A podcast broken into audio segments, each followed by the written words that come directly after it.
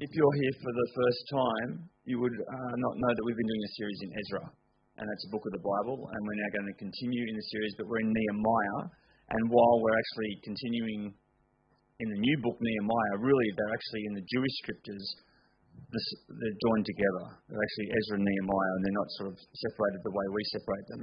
They're both written by Ezra, and Nehemiah is written by Ezra, but in the first person. And so the book of Nehemiah spans a total of 15 years.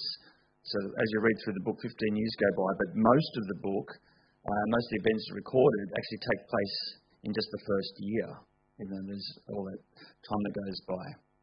So this is actually the final chapter in the story of Israel's return from exile.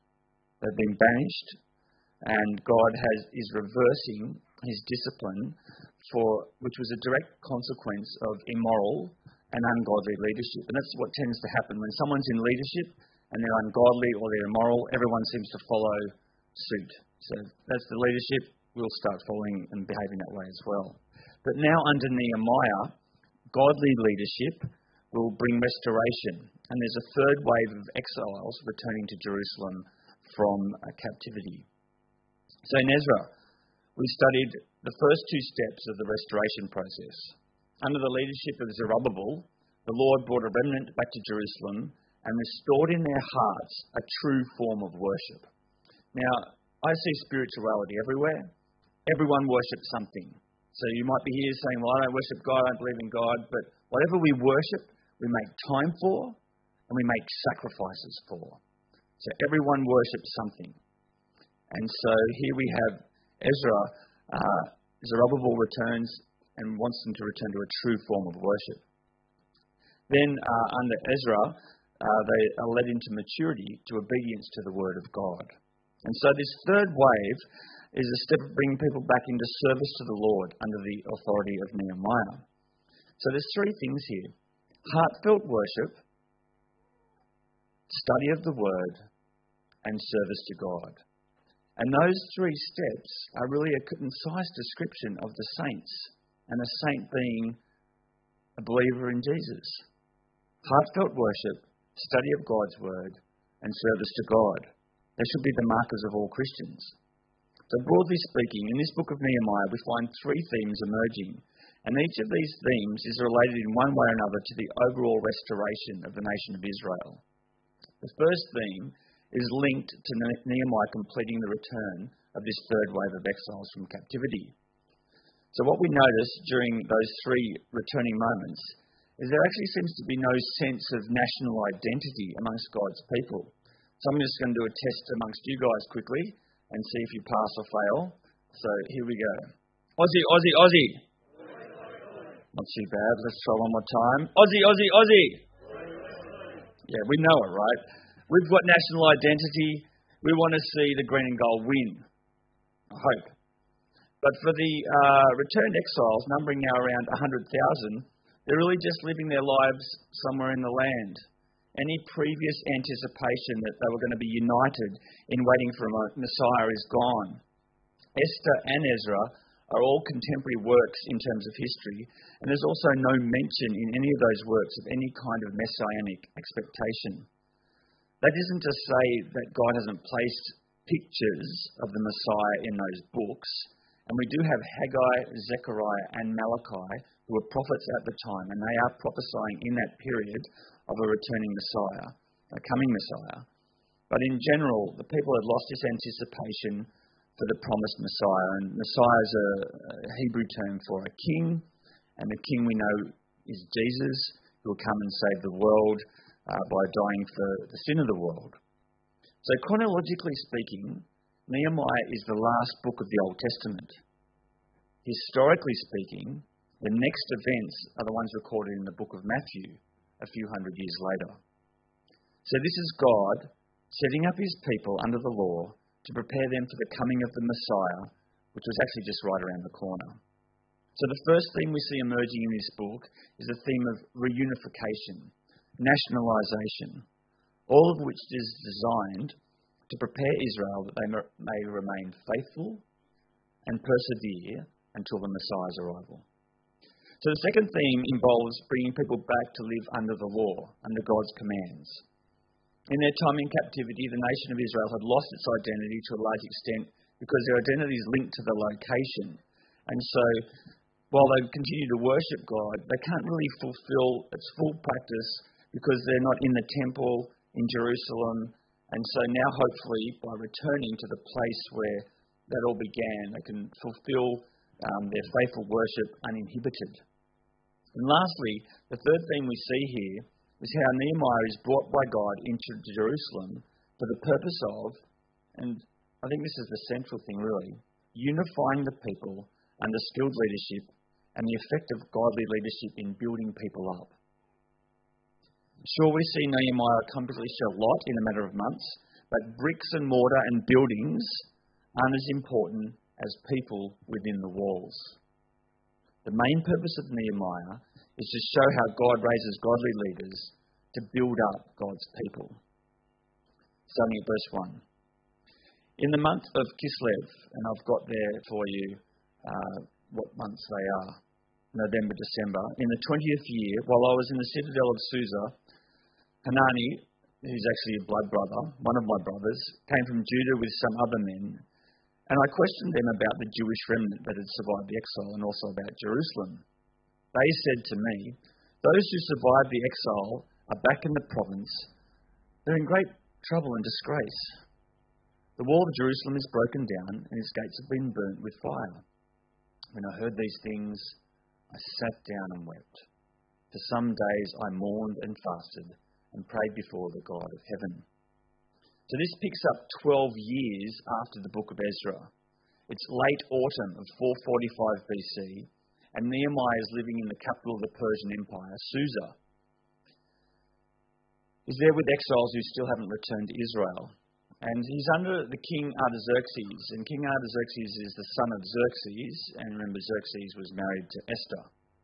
Nehemiah questions those who have travelled from Judah we don't have internet back in those days or instant messaging or anything like that, FaceTime. He, he's curious, like what's going on back there. News travels slowly, and he hears bad news. And he'd been assuming better things that the temple had been built and the city was back to its old grandeur. He'd heard his great grandparents talking about how amazing it was, you know, tearing up over the memories of what it was like being in Jerusalem. And he was expecting good things. But he said he gets bad news from um, his blood brother. The report that the city is in great distress and disgraced, it's a real mess. It's a city in crisis. Without a wall, it's a target for thieves. It's easily taken advantage of, and uh, even the temple with all its returned artifacts could be a target for thieves, and they're despised in the area. And this is crushing news to Nehemiah. His response is heartfelt. He weeps, he fasts, and he cries out to God. Now, the combination of fasting and prayer is an effort to hear clearly from God without distraction concerning his petition. We read on Lord, the God of heaven, the great and awesome God, it should be on the screen now behind me,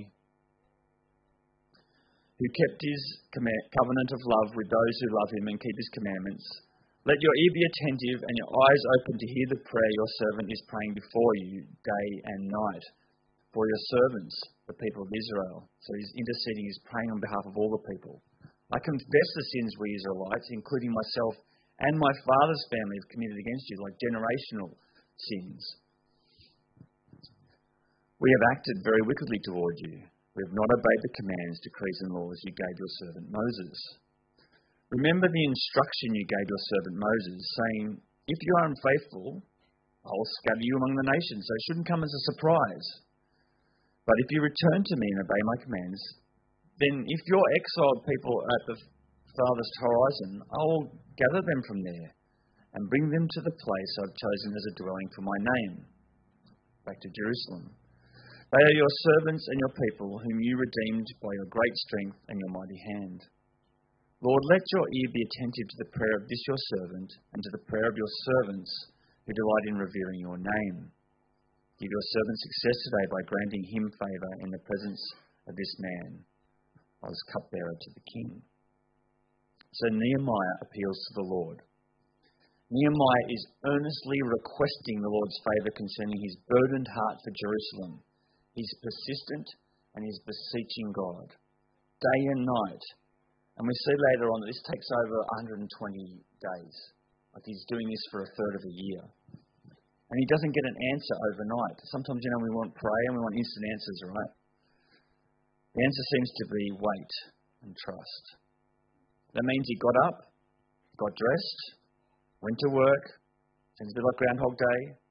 You know, went to work, was in the presence of the one who actually could relieve his burden about Jerusalem, but he took no initiative. He said nothing for a third of a year. His prayer is directed towards one task and one request God, please keep your promise. Now, he's actually referring here to Leviticus chapter 26, where God declared that when Israel repented, not only of their own sins, but also of their parents' sin and generational sin, then God would forgive and restore them. We often find that, um, you know, with, with our own families, I'm never going to be like my parents. Well, hopefully, the good bits you take, but you know, when they muck up and you know, well, I might copy that. But we find ourselves later on going, oh, I can't believe I was just like my mum or dad. And generationally, like things seem to just follow. What, what we're um, role modelled, we end up taking on. And so when your role model sin, sin gets passed on. So Nehemiah is acting on behalf of God's people, hoping God will keep his promise to bless them in the land. He can see the regatherings taking place, and he's got no doubt that God keeps his promises, but the blessing is not yet complete. So he's thinking, surely now is the time. Nehemiah is seeking favour with God to rebuild the city, and we see his desire for answered prayer doesn't necessarily fit with God's schedule and God's timing.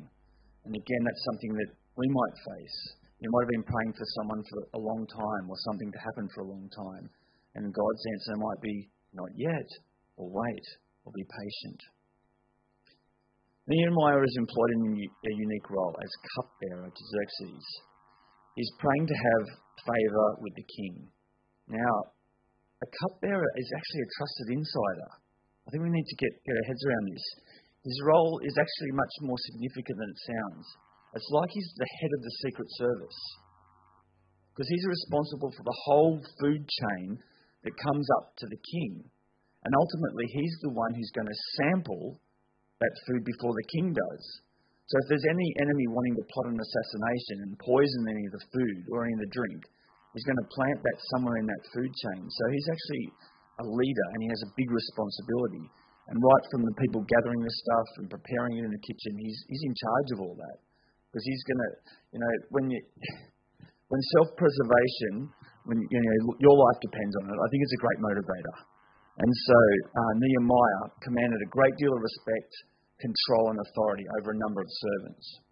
So it's a significant role, and he was highly trusted. But he can't just up and leave. He actually has accrued zero days of holiday loading vacation. Like he's a servant to the king, he's got to be there. So he's got this burden. And when he hears the news, he mourns and he loses sleep day and night, and he's praying that his godly burden lifts. And he recognizes that obedience to God's word uh, demanded um, him to have this heartfelt godly burden. And so Nehemiah begins to contemplate the solution. I want favour with the king. Nehemiah has a lot to lose as confident to the king of the palace. He actually has, as cupbearer, money, power, and authority. To go to the ghettos of Jerusalem and try to band together a disenfranchised motley crew to build a wall would be actually a step down, and it could be potentially a move doomed to failure. It's not a career change that makes sense. It'd be a difficult and thankless task. Can you imagine, you know, you're in a good position in work and you've got authority and power and money and all this stuff, and you say, I'm giving this all up. Riches, fame, accolades should never be the motive uh, for godly leadership. It should never be a motivating factor. If these are our motivating factors for leadership, they'll only undermine the credibility of our leadership. What God wants is for men and women who move into leadership to have an unshakable, unmistakable calling to serve God's people, to see them restored, based like Nehemiah, on a heartfelt burden. Nehemiah's appointment shows us a little about how God works. See, God tends to choose the least likely. Do you remember Moses?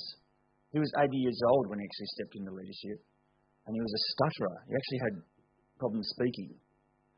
And David, when he was appointed, was actually just a kid.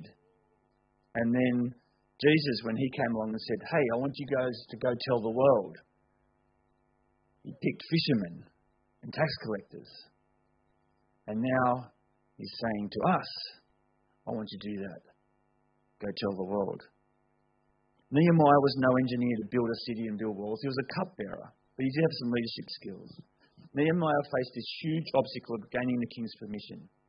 And at the end of the day, Nehemiah was a servant, and there's a power imbalance. So how's he going to approach the king? We read on in chapter 2. In the month of Nisan, March, April, in the 20th year of King Artaxerxes, when wine was brought for him, I took the wine and gave it to the king. Now, this is a really important point. I had not been sad in his presence before, so the king asked me, Why does your face look so sad when you're not ill? This can be nothing but sadness of the heart. I was very much afraid. Again, why would he be afraid? Yeah, we'll come back to that. But I said to the king, May the king live forever. Why should my face not look sad when the city where my ancestors are buried lies in ruins and its gates have been destroyed by fire. The king said to me, What is it you want? Now, asking the king for something, actually, this is the Persian Empire, is actually a risky business. Being sad in front of the king is even more serious. It's really important to know this that Persian law at the time required you to always be upbeat around the king. You could face the death penalty for, for public displays of sadness before the king. So, little wonder that we read that Nehemiah was very much afraid. For over four months now, Nehemiah's been keeping up appearances, looking all upbeat. But he's still been fasting and praying, waiting for an opportunity. But now it looks like after all this time, he, he can't put on the persona of being happy anymore. The king notices he's not ill, must be a sadness of the heart. And Nehemiah breaks his silence and tells the king the situation. When he, the king asks, What is it you want? Nehemiah says, then I prayed to the God of heaven, and I answered the king, If it pleases the king, and if your servant has found favour in his sight, let him send me to the city in Judah where my ancestors are buried, so that I can rebuild it. So Nehemiah prays, and you know how like we think prayer, you've got to close your eyes all the time, or like you know withdraw to your room, or you know pray out loud. He's clearly gone a quick prayer in his head. You know, so I prayed to the God of heaven. And so on the spot, it would have been something like, Lord, I've been fasting and praying for over four months now. This is the window. Please hear me and grant a favourable outcome. He's bold. He speaks the truth. He's someone of integrity. But Nehemiah needs an act of God. As with Ezra, Ezra, the gracious favour of God has to be on this situation. It's now or never. Verse 6 then the king, with the queen sitting beside him, asked me, How long will your journey take? And when will you get back? It pleased the king to send me. So I set a time. So he found favour with the king. His prayers are answered. God opens the door. No death penalty for sadness. He receives everything he asked for and more. He actually gets written endorsement from the king of Persia. He gets safe passage and military escort. He gets materials for the build. His position would be temporary. He'd be governor. He's not going to go there as king. The next king that's going to enter Jerusalem will be on a donkey. His name's Jesus. The rest of chapters 2 to 7 outlines Nehemiah's return to Jerusalem with the final group of exiles. They have official approval to rebuild the wall. Nehemiah is appointed governor, and he governs there for 12 years. Within three days of arrival, Nehemiah examines the wall, and under his godly leadership, he motivates, he unifies a disenfranchised nation, and amalgamates God's people into action. What do you guys think of when I say, let's build a wall? Po- positive or negative? Well, today this statement receives a mixed response. Whether the Berlin Wall, the wall on the US Mexico border, or whether it's actually in relationships, you know, this concept of people stonewalling you and um, emotionally shutting you out. So they all tend to be fairly negative, right? Move back 2,500 years ago, a wall was actually a positive defensive move. So next slide we'll see actually part of the wall, the real wall. The walls offer protection, sanctuary, the confidence to flourish, living freely and safely without fear of threat, deterring invasion, keeping the good in, and a barrier to keep the bad out. Even though there is opposition from their enemies in surrounding territories, seeking to prevent the completion of the wall, and as they literally build, as they build, they build with swords strapped to their side, vigilant to repel skirmishes as people try to stop them from building the wall. They get it completed in 52 days. Like it's a fair undertaking. So look up here, this is a CGI of the, um, how big it was to some degree. Like there's the temple at the very top. It's just a huge undertaking, 52 days. The wall is complete, success in crisis, mission accomplished. Now the real job begins rebuilding and restoring the people, the people of God. Nehemiah is held up as a book on leadership what you can accomplish if you trust and put your mind to it. Remember, he was a cupbearer, not the most likely choice. Nehemiah received a calling to do the work of God. Nehemiah saw a need and he took responsibility. He had a heartfelt burden to serve God's people. He was never going to do it alone. He would need the king's support, he would need the people to agree, and catch God's vision, and he would need protection from God's enemies. So, what did he have? Success with the king, success with the return and the build, because God orchestrated it all. Nehemiah, Nehemiah found favour in the eyes of God. God's gracious hand was upon him. God had appointed the work, and God was finishing the work. And this is a call from God. And we as God's people, are now asked to answer that call. Heartfelt worship, study of the Word, service to God. Nehemiah served. Jesus came and he said, I came not to be served, but to serve and give my life as a ransom for many. It's all we should expect from a godly leader, a servant to the body of Christ, and a godly leader serves us best by appealing to our own responsibility to respond to the higher call of God in joining in that service. Rallying God's people to use their gifts and participate in the work of the church that we serve in God's purpose. Heartfelt worship, study the word, service to God. And know this from the uh, New Testament. Being confident of this, that we who began a good work, that he who began a good work in you, will carry it on completion to the day of Christ Jesus. For we are God's handiwork, creating it in Christ Jesus to do good works, which God prepared in advance for us to do. And so as I finish, just want to use this little Anglican refrain uh, that's coming up on the screen now. Because we're called to heartfelt worship, study the word and service in God. So go in peace to love and serve the Lord. And together, in the name of Christ, Amen.